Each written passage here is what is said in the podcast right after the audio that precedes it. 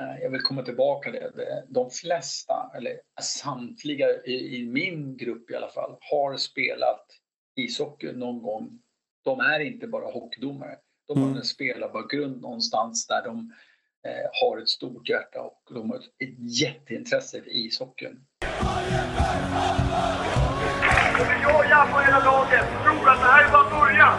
Vi håller på att skapa något jävligt stort, Bayern fans ringde och eh, det gjorde de och då får man inte säga nej. Så det är, när man har sagt spelat i Hammarby när man var ung och sådär så finns det egentligen bara ett lag som går tillbaka till. Jag har inga privata ambitioner. Min karriär är över så att säga. Så att jag, jag eh, har bara en ambition med det här. Det är att vi ska vinna varje division vi ställer upp i.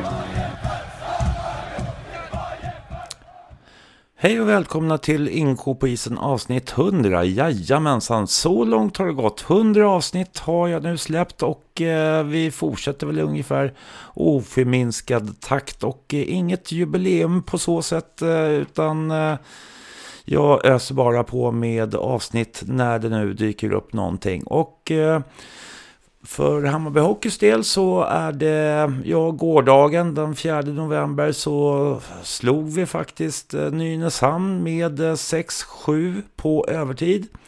Så att eh, ja, det, det är väl den första segern på bra många matcher och vi ligger nu då åtta i tabellen. Inget bra läge kanske, men vi hoppas på att eh, vi får tillbaka lite spelare och lite sånt som är skadade och sånt till fortsättningsserien då och kunna ta oss vidare uppåt till kval, eventuellt kval senare i höst då. då. Men eh, vi får väl se hur det går med det. Eh, som läget är nu så är det ju ganska många som är skadade.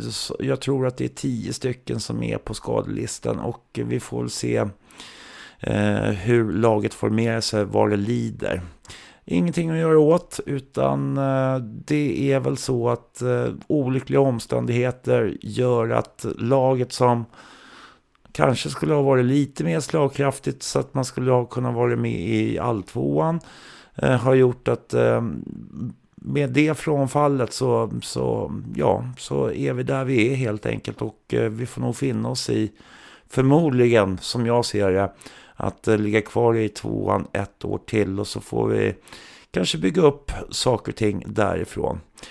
I dagens avsnitt som är inspelat för ett par veckor sedan så har jag med mig Ehm, ansvarig för domarna i Region Öst och han heter Martin Lembom och eh, har dömt på lite olika nivåer, division 2, division 1 mellanåt också. Ehm, så att eh, ja, Samtal om eh, regler, hur man ser på domaryrket, eh, raggningar utav domare och eh, ja, hur, hur vi på läktarna beter oss när det är match. Ehm, det är väl lite så man ska se det. Så att, eh, eh, ett samtal om det helt enkelt. Så att det, jag fortsätter med, med ett nytt avsnitt i min lilla domarserie som, eh, som jag haft tidigare. Och med det så vill jag bara säga att eh, ni får ha en trevlig lyssning helt enkelt. Vill ni nå mig så finns jag på stefanattinkopoisen.se stefanattinkopoisen.se och eh, ja, lyssna.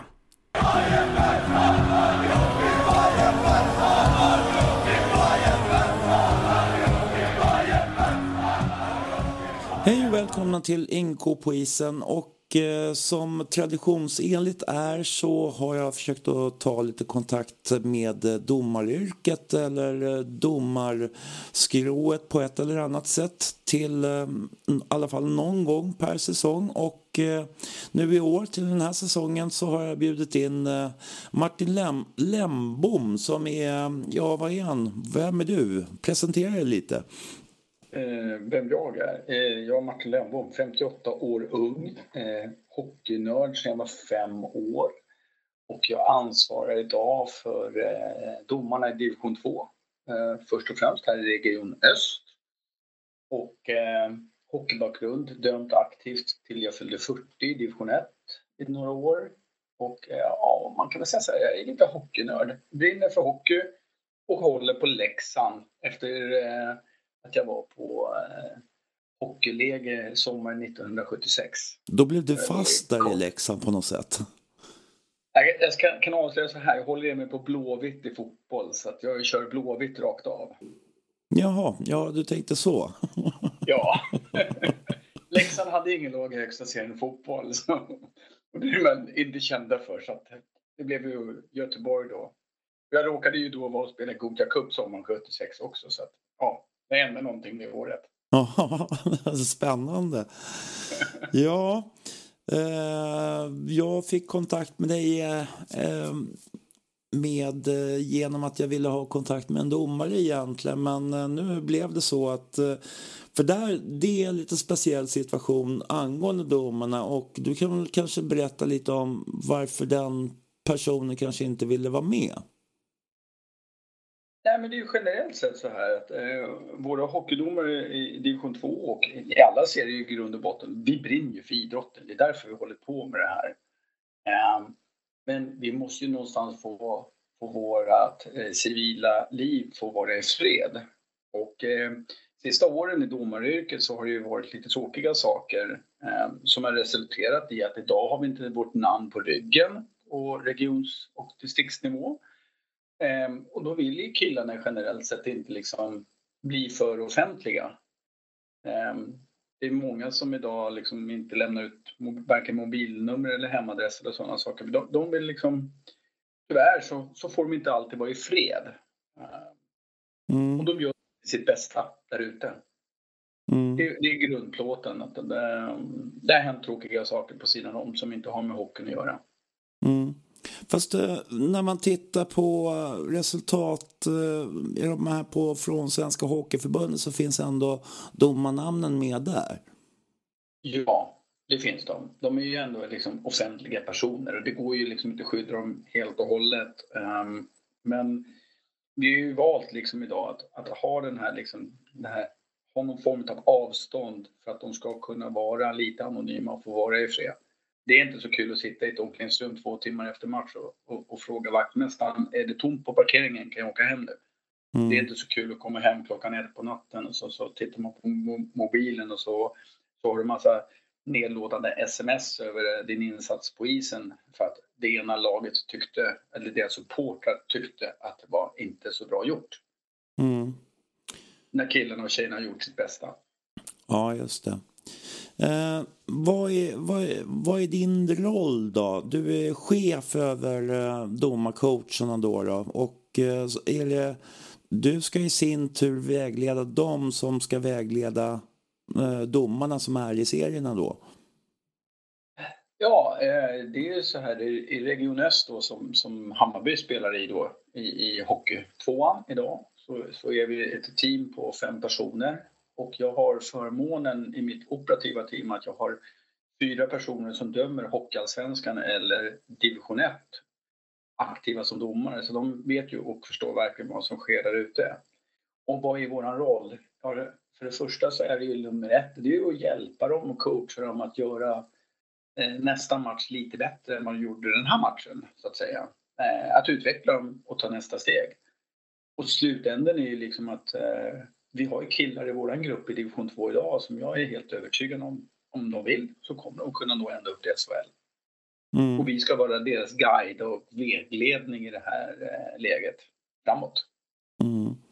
Uh, hur, uh, för jag tänker ju, ni är ju inte ute, alla domarcoacher är ju inte ute på alla matcher så att säga, utan ni väljer väl ut eh, vissa matcher som passar på ett eller annat sätt. Hur, hur väljer man de matcherna som man väljer att övervaka eller tittar man på video eller hur, hur jobbar man med att följa upp? För det, det blir ju ganska många matcher och domar att följa upp. Ja, eh, i dagsläget så har jag 15 aktiva huvuddomare i division 2 och 29 linjedomare.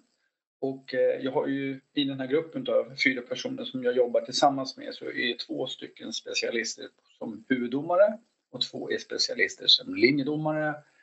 Och de sinsemellan ser till så vi liksom vi bockar av och fångar in alla i fisknätet så att alla kommer att få minst en coachning eh, vi, vi har en mittsäsong där vi träffas då i, i november. Eh, det är en del och då är de fysiskt på plats. Mm. Sen använder jag hockey-tv jättemycket själv. Jag är inte ute lika mycket själv men jag ser väldigt mycket ishockey hemma på TVn. Där jag kan titta på matchsituationer från någonting som har hänt. Eh, från en match som någon ifrågasätter. Eller jag generellt sett vill gå in och följa upp någonting. Och vad det handlar om för oss hela tiden är att vi vill förstärka det de gör bra och vi vill förstärka det de ska göra bättre. Vårt syfte är inte att gå ut och såga någon domare vid fotknölarna utan vi vill lyfta dem så att de känner sig trygga, säkra, fattar rätt beslut och eh, görs redo för att ta nästa steg. Det är grundfilosofin. Mm. De ska bli bättre. Mm. Eh, jobbar eh, domarna som ett team? Alltså alla linjedomare, domare, jobbar man alltid tillsammans med samma personer? Nej, det klarar vi inte av för att alla de här killarna i division 2 idag har ju också ett civilt liv och ett yrke eller så studerar de så man kan inte köra hela fasta team hela tiden. Det är klart, en huvuddomare dömer ju fler matcher med en mindre grupp linjedomare sett över hela säsongen. Men de ska vara beredda och vara anpassningsbara och kunna döma med vem som helst inom gruppen. Eh, mm. Det är grundfilosofin. Och sen fångar ju vi också upp eh, killar från distrikten, både från Stockholm, Uppland, Sörmland och Gotland eh, som får prova på på regionsnivå. Och då är det samma sak där, då ska ju de vara faddrar och ta hand om de här killarna. Så vi är en jättestor, eh, jag vill använda formuleringen kärleksfull familj där vi tar hand om varandra och stöttar varandra. Mm, mm. Eh, vilka är det som eh, åker ut och eh, träffar lagen? För ni, ni åker ut och... Om, jag vet inte, är det domarna som åker ut och träffar lagen och går igenom regeländringar och sådana saker? Eh, vi, vi har gjort så här i år och även förra året eh, då jag egentligen började i den här rollen. Jag var ny förra året. Men vi hade tillsammans med tenniskommittén i Stockholm, Peter Andersson, så hade vi videomöte, Teamsmöte med alla tränarcoacher som vi bjöd in i division 2. Och eh, där presenterade vi i korta drag alla nya regler, om det var några. Och det är det i år, jättemycket. Ehm, och sedan så erbjöd vi också att lagen fick själva ta kontakt med en huvuddomare eller linjedomare lokalt som de kände lite bättre och be honom komma ner och prata med lagen. Och en del lag har anammat det och gjort det jättebra och en del eh, lag, ja, de kör på som, var, som tycker att det är bra ändå. Mm. Eh, för att någonstans så kan man ju tycka att om, om, de får träffa, om lagen får träffa domarna några innan så att säga man kör igång i serien så är det kanske svårare att också vara eh, grinig mot domarna när man väl har match också. Jo men självklart. Eh, alltså, vi, vi är ju inte där för, för, för att, eller spelarna är inte där för vår skull. Vi är där för deras skull. Vi är där för att vi ska anamma en regelbok och göra rättvist för båda lagen och vara konsekventa i 60 minuter effektiv speltid om det inte leder till overtime och straffläggning. Så vi också ska vara konsekventa naturligtvis. Men det är ju det, det, är ju det eh, att eh, ibland tar ju domarna obekväma beslut och även om man har den bästa relationen med en spelare på plan så kan det ibland skära sig i alla fall. Han köper inte den där utvisningen. Han mm. tycker du har jättefel i ditt beslut. Men det är klart, vi vill vara en del utav eh, verksamheten, vi vill vara en del utav svensk ishockey och dess eh, utveckling framåt. Där är vi. Mm, mm. Eh, om vi nu ska eh, lämna det spåret lite och eh, gå in på egentligen vad, hur, hur det ser ut med regeländringar i år. Oj. Eh, jag, jag vet Ska vi, ta några, vi behöver ju inte ta allting, men... Nej, men jag kan säga så här, eh, nya regler för år. Man kan säga så här, vi har fått en ny regelbok som eh, är då från IHF, alltså Internationella ishockeyförbundets organisation. Vi tillämpar samma regelbok som, som kommer därifrån. Eh, på kursen i år så hade vi en regelgenomgång. Jag tror det var på 116 powerpoint-bilder med nya regler.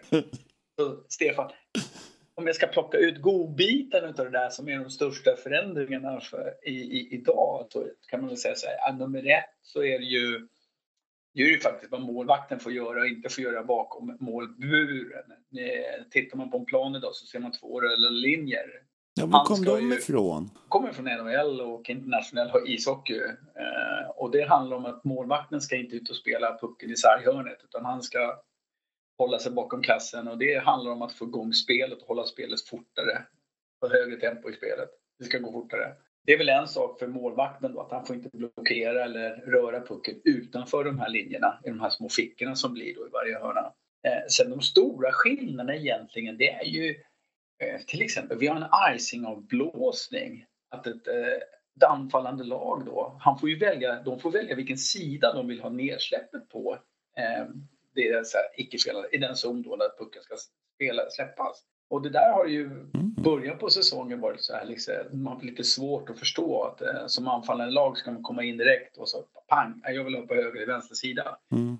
Eh, det är lite nytt. Det är lite taktik bakom det ena och det andra. Eh, spelarbrott, eh, ett lag begär timeout till exempel. Förra året kunde det andra laget också begära timeout i samma spelarbrott. Det kan man inte göra i år, utan då är det bara ett lag per tillfälle. Ehm, och sen finns det då ett antal olika utvisningar där du eh, tidigare alltid kunde sätta fem minuter plus game misconduct. Mm. Och idag kan du på ett antal utvisningar bara sätta en femma game, det vill säga killen kan få en femma och sen får han komma tillbaka och spela. Det, var ju, det är ju nytt. Mm. Det, mm. det, det, så hade vi inte innan. Och sen har vi det roligaste av allt och det är sista fem minuterna utav ordinarie speltid där vi idag kvittar en utvisning, större straffet, fem minuter mot två minuter mindre straffet om det sker på vardera lag samtidigt. Mm. Det vill säga fem minus två innebär tre minuter kvar. Tre minuter ska upp på klockan. Jaha. Det är att se. Ja, och det är jättekul att se sekretariaten för de har inte riktigt förstått hur de ska lägga upp tre minuter på, på, på, på tavlan. Nej. Den är lite, lite rolig. Eh, det kan också bli att vi har en, en fem och två tvåor, det vill säga fem minus fyra minuter. Vi har en minut som ska upp på klockan också. Mm. Det här sker under sista fem minuterna av matchen och under overtime. Och det, det är en ganska stor skillnad. Varför vill man göra det? Eh, säkerställa att det är så mycket spelare som möjligt i slutet på matchen som får avgöra matchen med, med så mycket manskap på isen helt enkelt. Mm, mm. Eh, jag kan ju tycka ibland att man, man är ju en del domare tar ju, alltså så fort det blir blod på isen mm. så mm. tar de nästan alltid en utvisning och jag kan tycka ibland att det blir lite orättvist så att säga för att man Ja, det har blivit en, inträffat en skada fast det behöver ju inte alltid ha varit en mening så att säga inom situationstecken. Utan uh, hur, hur ser ni på det? Man kan väl säga så här att utvisningarna ska bedömas på, på tre nivåer. Normalgrad, det vill säga sånt som händer bara liksom för att mm. det är action på isen, pang. Eh, vårdslöst, eh, det vill säga men man, man varken går ut för att proppa en kille och varken vill skada en kille det första man gör. Och sen har vi det där mittemellan, avsiktligt men inte ändå vårdslöst. Och det där är en balansgång att hålla isär liksom egentligen en tvåa, femma game och match penalty. Om man ska mm. se det som så. Den som är in, in, in, in i det här förstår precis vad jag pratar om. Mm. Och det handlar om att hitta den här känslan för det hela. Men bara för att en kille, svar på din fråga, blöder så är inte det automatiskt då, femma game eller femma. Utan det kan också vara en tvåa tack vare att ja, det, tyvärr, det, det skedde en olycklig omständighet som ingen planerar. Du har eh, till exempel, vi har ju slagskott på, på mål. Mm. Och så går klubban upp i ansiktet på en, en spelare som stöter på, på, på, på skytten. Då har vi i vår värld så kallat det follow through. Klubban går upp i naturlig rörelse. Det är ju inte ens en utvisning. Nej. Nej. Det, det gäller att hitta lite känsla för det. Mm. Det, det, det jag vill förmedla, förmedla. Att blod är inte alltid per automatik femma game eller match penalty idag. Mm. Utan det är avsikten bakom som man får bedöma lite grann. Ja, just det. Och eh, bråk på isen när man... Du börjar, sen kommer nästa och slår tillbaka. Alltså, de lägena är ju oftast blir ju väldigt hetsiga och svårt att hålla isär. Hur, Hur jobbar man med det egentligen? För det, det är ju väldigt svåra situationer ofta. När, ibland så blir det ju väldigt många inblandade. Mm, ja, eh, alltså då får man ju titta på ett... Eh, vi har ju ett arbetsmönster då att eh, linjedomarna ska gå in och ta själva bråket. Huvuddomaren ska stå på lagom distans för att kunna ta fram papper och penna i handen och börja skriva upp färg och nummer, vem som gör vad. Och sen så får man ju titta på okay, vem var den aktiva, vem var pådrivaren som verkligen drog igång det här. Och det behöver inte vara första killen som, som slog i ansiktet på, på, på lag Bs motspelare, utan det kan vara tredje person, vilket är ganska mm. ofta. Att det är han som går in, ska försvara sin lagkamrat och sen vevar han på. Då blir han pådrivare. Då har vi tvåa för att han är pådrivare och femma för att han liksom drar igång det här ordentligt. Då får han ett hårdare straff än den som delade ut det första slaget. Okej. Okay. Och det här handlar om fingertoppskänsla, liksom att se vem är det som gör vad och därefter använda regelboken och straffsatsen därefter.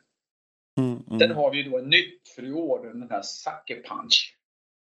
Eh, det vill säga någon som bara delar ut en stenhård högerkrok eh, och får den andra att se, se små stjärnor. Och han vet inte ens om att slaget kommer, alltså helt oförberett så blir mm. han bara nedslagen. Mm.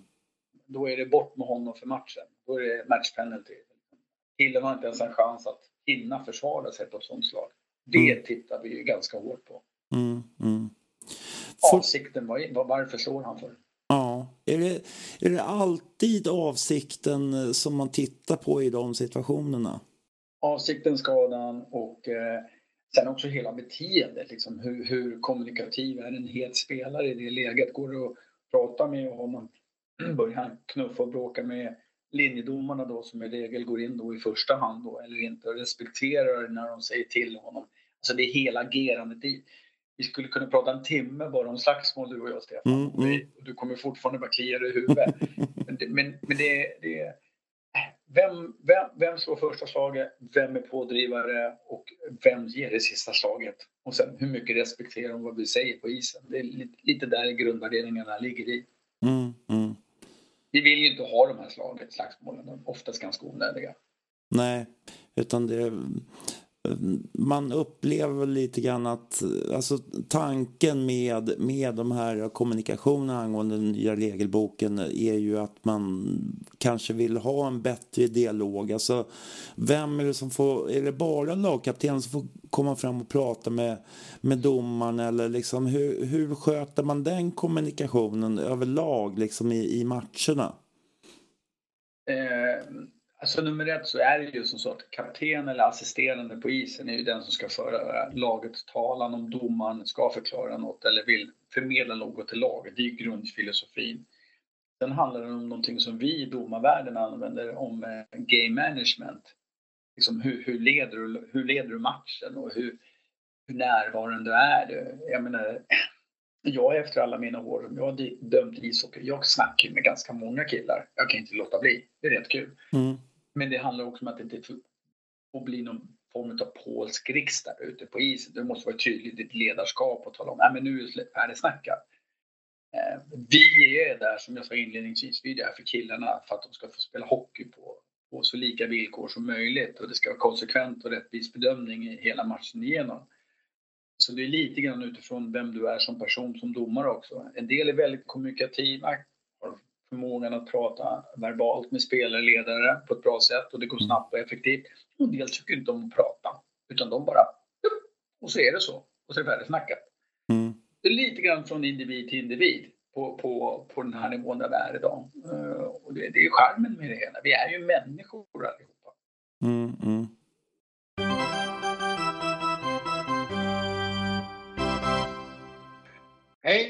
Anders Friberg heter jag, massör hos Hammarby Hockey. Och när jag inte befinner mig i STC-hallen så finns jag på Katarina Bangata 57, nära Skanstull, dit ni alla är välkomna. Ni får också jättegärna följa mig på sociala medier, att tatagmassage och sim, som det heter på Instagram.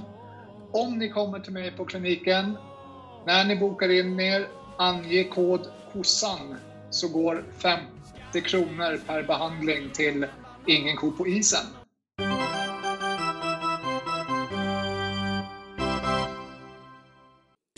Men det... Får du svaret? Ja, jo, nej, men eh, det, det, det, är väl ganska bra. Eh, jag kan ju undra ibland liksom att man kanske byter man några ord med, med kaptenerna i början av matchen, liksom säger någonting speciellt att ja men jag är ganska hård eller liksom jag kommer låta matchen, om det är någon speciell laddning i matchen, att man känner av att ja men det här är, här är två gäng som har, är, är lite mer raggiga mot varandra. Jag kommer kanske döma lite hårdare här. Att man går in och säger det innan då i sådana fall. Man, jag tror jag kan bara gå tillbaka till mig själv. Um, och då tittar jag liksom på vad är det jag vill ha? Ja men okej grabbar, nu, nu man, man pratar ju alltid och, skakar hand med lagkaptenerna före match. Det har du ju sett mm, över domarcirkeln. Mm, mm. Och, och, och, från mitt perspektiv, ja men man checkar av läget och så talar man om liksom gubbar, ligger ni två meter bakom, hugg inte och slå, åk, be killarna ta ett par skär extra, åka kapp och, spela, och slå, gå på pucken istället. För, eh, med tanke på din eviga fråga, slashing eller inte slashing. Va? Hugg, mm. hugg och slå inte bakifrån. Åk skridskor, åk ikapp och, och kämpa om pucken istället. Det är de där enkla utvisningarna som alla i hela ishallen ser. Även du som, som ser som sitter någon annanstans och funderar på vad händer nu då? Ta det som enkelt, ta det liksom, gör det smart för dig. Och sen om det blir lite extra händer, då kan man komma överens med kaptenen i respektive lag. Är det någonting så är det vi tre som pratar. Jag vill inte ha alla 20 i ditt lag kommandes med. Det är du och jag, det är vi tre som pratar mm. från respektive lag. Och sen så får vi se vad det här tar vägen. Eh, men som sagt, vår uppgift är att vara där, vara konsekvent, rättvis och eh, eh, ta det som är farligt spel, skadligt spel och så rent spelförstörande. Gör vi det på ett smart sätt så blir det bra ishockey. Mm, mm. Uh, för vi ska ju gå in på det här med slashing, uh, för den är ju också mm. förändrad. Uh, jag skrev det i körschemat, den eviga mm. frågan, för att det, det är ju det där vad är en slashing? Och nu har ni ändrat lite i den regeln till årets säsong som jag har förstått det. Ändrat och ändrat. Egentligen det handlar det mer om förtydligningar. Vi kallar det eh, stick fouls. Alltså, där är rent spelförstörande. En, en, en, en, spelare attackerar en annan och inte har ens i närheten chansen att slå och träffa pucken. Utan man slår av klubban eller man slår över handskarna och armarna eller man slår hårt över benskyddet så att eh, man hör att benskydden är ihåliga. Ja, men det är ju en slashing, det hörs i hela hallen. Mm. Det ska bara bort för det har ju inte med hockeyn att göra. Och då, utifrån min filosofi, nu blir jag personlig här, men mm. min hockeyklubba den är, den är ett fantastiskt redskap att använda. Du gör underbara piruetter och delikatesser och handledsskott upp i vänster och högerkrysset och höger och vänster. Men det är ett livsfarligt vapen om du använder det på fel sätt. Du kan skada och för, eh, en spelare, en motståndare för resten av livet. Så man ska liksom vara, vara medveten om att eh, slashingen, så fort klubban är med i bilden, den, tänk på vad du gör som spelare. Det kan få förödande konsekvenser omedvetet eller medvetet, men det, den ska bara bort. Mm. Eh, så att eh, det är ja, precis lite, lite grann hålla reda på var klubban är någonstans. Och det, då, då kommer vi väl till det här med att man ska ha koll på sin personliga utrustning som det heter. Ja. ja. Eh. Den ska du ha koll på. Du ska ha koll på tandskyddet, du ska ha koll på halsskyddet, du ska ha koll på visiret. Mm. Eh, att det sitter på rätt sätt. Ehm, och det vet jag idag, liksom, när det gäller tandskydd som ett exempel, så är ju på hela tiden att spelarna ska ha tandskyddet i munnen. Mm. Det ska inte hänga i mungipan som ett eh, väl använt toy-tuggummi som ganska många gör. I grund och botten, det är en regelfråga. Det ska sitta på rätt sätt. Det är också en försäkringsfråga. Blir en spelare skadad och tänderna ryker och tandskyddet inte sitter där, tack och godnatt, då tror inte jag försäkringen gäller faktiskt. Mm, mm. Ja, just det. Uh, för där har vi också en sån här grej med, med klubbor som blir avslagna ifrån, ja, man tappar den eller någonting sånt där och den får ligga kvar väldigt länge på isen i vissa tillfällen.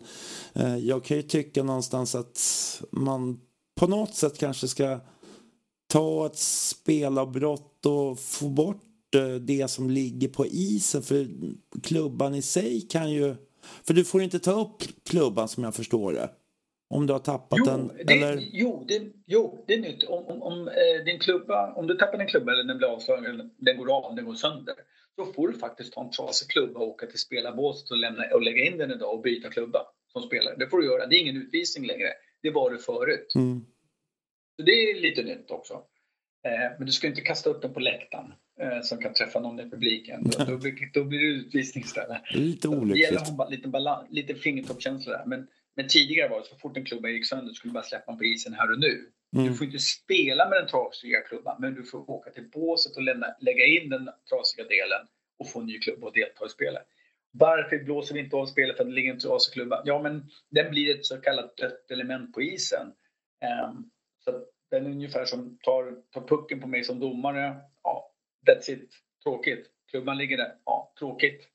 Men det är bara att spela vidare. Sen försöker vi, om vi kan, linjedomarna kan, plocka bort klubban under spelets gång på ett naturligt sätt. Då försöker vi göra det. Men vi ska ju bevaka fem utespelare per lag plus två målvakter så det är kanske inte alltid lämpligt att åka och plocka klubbor som ligger på isen utan det tar vi vid första bästa spelavbrott. Mm, mm. Ja, just det.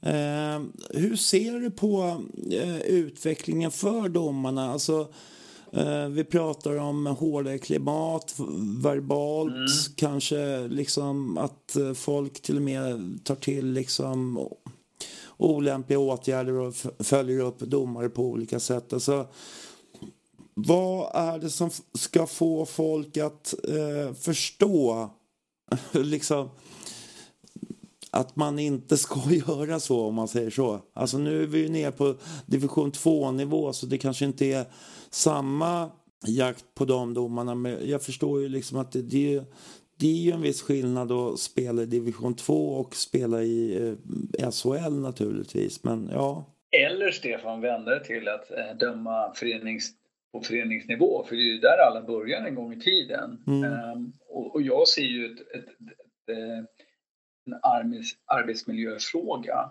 ehm, där unga killar som dömer sina första matcher. Jag har själv varit där en gång i tiden. Man är 12-13 år och så ska man döma killar som är ett eller två år yngre än sig själv. Och så står någon mamma eller pappa på läktaren och börjar skrika för att du inte tar en tripping eller du tog en felaktig utvisning. Och jag säger så här, på de här killarna när de börjar och de är i den här åldern då, eh, runt 15 år och börjar döma idag. Det står övningskörning på då ska jag fråga dig en sak Stefan. När du kör bil ute i trafiken idag och du kommer till ett rödlyse och bilen framför får motorstopp och så står det övningskörning. Börjar du tuta på den då? Nej, jag gör inte det faktiskt. Nej, exakt. Eh, För han gör fel. Han får inte koppling och gas att funka riktigt där va? Okej, Mm. fine. Låt han vara. Han låter vi vara. Och det här är samma sak med våra killar på föreningsnivå. De övningskör och de gör misstag och de är under utbildning. Och, och respekterar vi inte där eh, de, killarna och de tjejerna också, vilket jag vill lyfta fram. Jättekul med många nya tjejer som börjar döma ishockey. Och låta dem få övningsköra på ett bra sätt. Om då kommer vi aldrig få en bra bas om stor bredd och en stor, stor grupp hockeydomare i framtiden. Utan Då hamnar vi i din slutfråga den som jag kan svara på nu. Vad händer? Ja, inga domare, inga matcher. Det spelar ingen roll vilken nivå vi pratar om. Till slut Mm. står vi där i så fall om utvecklingen fortsätter åt det här hållet. Mm. Eh, men kan man eh, kan man tänka sig då i sådana fall att man markerar domarna då att på något sätt eller ska man ha möten i föreningarna kanske eh, ha någon sån samling att man bjuder in domare till en eh, föräldraträff på något sätt och liksom förklara lite grann mer eller finns den kontakten idag? Alltså det finns ju på föreningsnivå så finns det någonting som vi kallar för DIFE, domaransvarig i förening. Ehm, och det, det är ju någon en kille, tjej som är, är otroligt lojal och älskar ishockey och hjälper och guidar de här unga killar, tjejerna. Ehm, ja, och de är, eh, det är bara att bjuda in dem. Föreningarna kan ju alltid bjuda in sin DIFE till att ha föräldramöte eller möte med respektive lag och så vidare. Det, det är fritt fram vi är för en öppen dialog här för att få det här klimatet och konsekvenserna att bli mycket, mycket bättre. För vårt problem idag det är att få domare att fortsätta från föreningsnivå till distriktsnivå och därifrån ta, ta nästa steg från distrikt till, eh, till division 2 jag har det ganska bra i division 2 idag, Region Öst. Om jag ska titta på till exempel eh, Stockholm som Mm. ishockeyförbund. Mm. Där finns det idag, jag tror det är 17 huvuddomare och 15 linjedomare som ska döma division 3, J20, division 1, J18, division 1. Eh, det borde vara för mig 20 huvuddomare och 40 linjedomare på distriktsnivå i Stockholm för att det skulle vara en bra fungerande verksamhet. Mm. Där är utmaningen. Och det är många, många som slutar, ja det är ju på grund av att det är, är tråkigt klimat så att säga. Och det är inte alltid spelare och ledare, det är även föräldrar som Mm. inte kan, kan hantera det här på ett bra sätt. Mm. Men för att då tänker jag återigen det här med att man, eh, ja de får jättegärna bjuda in oss och så vidare. Ja, men kanske så ska man vara mer eh, proaktiv där då i sådana fall alltså och säga att ja men för att någonstans är också det att eh, frågan är ju om föreningarna i sig tycker att de är medvetna om problemet så att säga eller om man blundar för det. Alltså, förstår du vad jag menar? Ja, jag tycker det finns föreningar som försöker idag göra jättebra grundarbete för att skapa ett bättre klimat eh, och ta hand om de här killarna som är föreningsdomare eh, och börjar döma sitt första år. Absolut, det finns de som är jättebra på det. Men det finns jättemycket mer att göra. Det vi, vi skulle kunna ta fram mycket anslag, sätta upp i våra ishallar. Att, eh, tänk på våra nya domare, de övningskör, de provar. Tänk på vad du säger, tänk på hur du gapar och skriker Men, spontant en situation som sker på isen och du har en kille som är 12-13 år på isen som spelare och som en domare bara som ett eller två år äldre. Ja, tänk på. Fundera på hur, vad använder du för språk? Mm. Det är, där går det att göra jättemycket. Mm. Eh, medialt finns det någonting som, alltså någon liten filmsnutt på något sätt som man skulle kunna skicka ut eller lite så? Men alltså på rak hand så finns det, eh, så känner inte jag till någon så, så, reklam på det sättet. Men jag, jag ser ju Stockholms ishockeyförbund idag som ett av de distrikten tillsammans med Uppland och, och Sörmland och, och Gotland som, som försöker gå ut med information och, och vara närvarande, vara nära ishockeyn. Och, och jag säger återigen, eh, många gånger så tror jag folk tror att domarskrået är en egen familj. Eh, Jag vill komma tillbaka till det. De flesta, eller samtliga i, i min grupp i alla fall, har spelat ishockey någon gång. De är inte bara hockeydomare. De har Mm. en spelarbakgrund någonstans där de eh, har ett stort hjärta och de har ett, jätteintresse för ishockeyn. Mm. Det, det är ju så. Jag har ju killar i våran grupp idag. Vi, vi, vi, har, dem- vi hade en kille förra året. Jag trodde han totalt ställde upp för att få verksamheten att funka. Dömde nästan 180 matcher. Oj. Mm. Eh, Jag har killar idag som dömer dubbla matcher lördag, söndag och ställer upp för att få verksamheten att fungera. Mm. Eh, De gör ett fantastiskt jobb. Jag är otroligt stolt över min grupp. Jag är otroligt stolt över våra distrikt vi har i regionen också som verkligen, där domarna gör sitt yttersta för att, att vara en del av hockeyfamiljen. För vi är hockeyfamiljen. Vi är en del av hockeyfamiljen. Eh, Så enkelt är det. Mm. Folk glömmer bort oss, man tar oss för givet. Det kommer ut någon som är rätt skripare, han tar utvisningar, han åker hem, han får betalt. Nej, men det är inte hela grejen. Man Mm. gör det här för att det är kul Mm. Mm. och man älskar ishockey. Kan man, kan man göra någonting, alltså finns, eh, finns det, känner ni att det finns en bra kommunik- kommunikation med, med spelare i lagen? Alltså när, när en spelare känner att "Nej, fa, jag, jag orkar inte med att köra den här vanliga eh, hockeyn så att säga. Och, alltså och det- det- suga upp det på något sätt. Även om man kanske har sett de här anslagen som sitter uppe, som jag har faktiskt sett i ishallarna om att ja, men att ni, ni finns ju någonstans. Mm. Men det är kanske inte så många som tänker på det. Nej, eh, det är det ju inte. Eh, och vi finns där. Och vi är ju för liksom, att killar som väljer att sluta spela ishockey eh, gärna hör av sig till oss och testar på att bli hockeydomare. Och vi har jättemånga för detta spelare idag som, som har gått ända upp. Eh, ja, de har ju varit ända upp i SHL och elitnivå eh, som hockeydomare. De börjar och, och jag tycker ett jättebra exempel jag har idag, det är en kille som heter Mattias Enroth som idag dömer huvuddomare i Hockeyallsvenskan. Han Mm. valde ju då att efter sin karriär som hockeyspelare i Huddinge, eh, division 1, valde att sätta på sig zebra-overallen. Eh, otroligt ödmjuk, har otroligt mycket hockeyförståelse och idag är uppe i Hockeyallsvenskan och är dessutom heltidsanställd som hockeydomare. Så du kan ju också göra en yrkeskarriär som hockeydomare om du vill och vill satsa på det till 100 procent. Den, Mm. den möjligheten finns ju idag.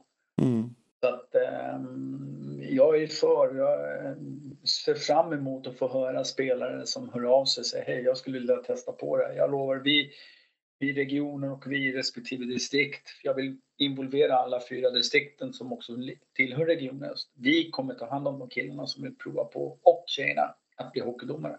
Med stor, stor öppen famn. Varmt välkomna. Mm. Och hur, hur gör man då? Ja, man kan ju jätteenkelt.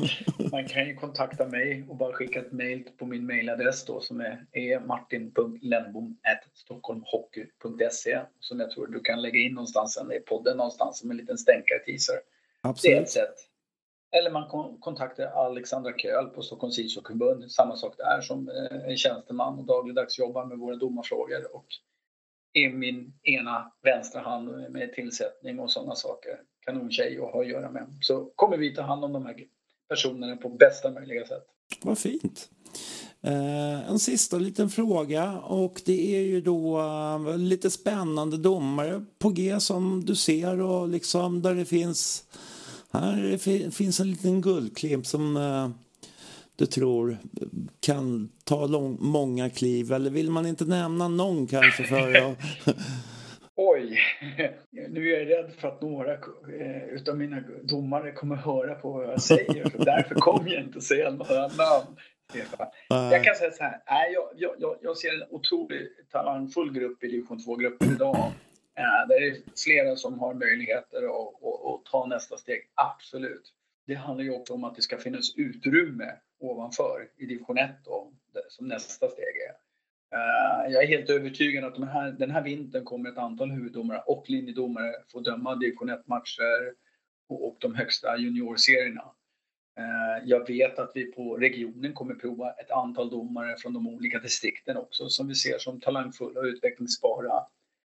Så att eh, på så sätt så finns det, eh, finns det bra grogrund för en intressant domarkår i framtiden. Absolut.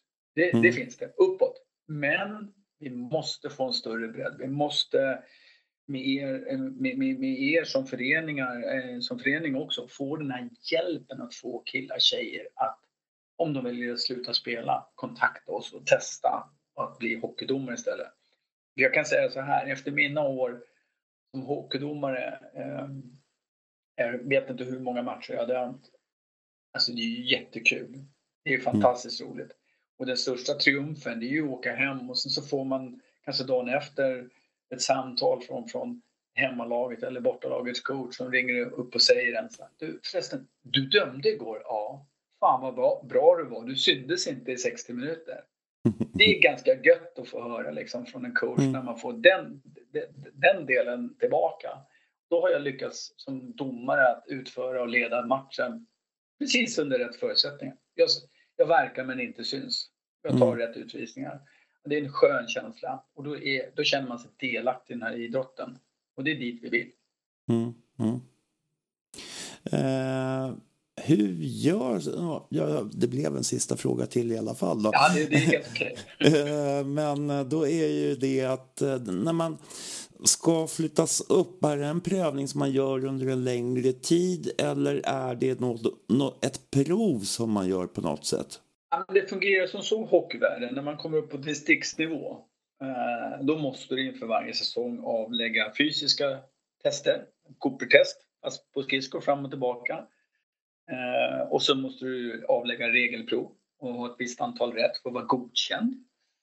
Ehm, det är ju grundplåten till det hela. Och sen handlar det väldigt mycket om game management och spelförståelse. Och jag kan garantera att vi kan ju ha någon som kör rakt igenom systemet och är superduktig, en supertalang. Vi tappar aldrig bort den personen.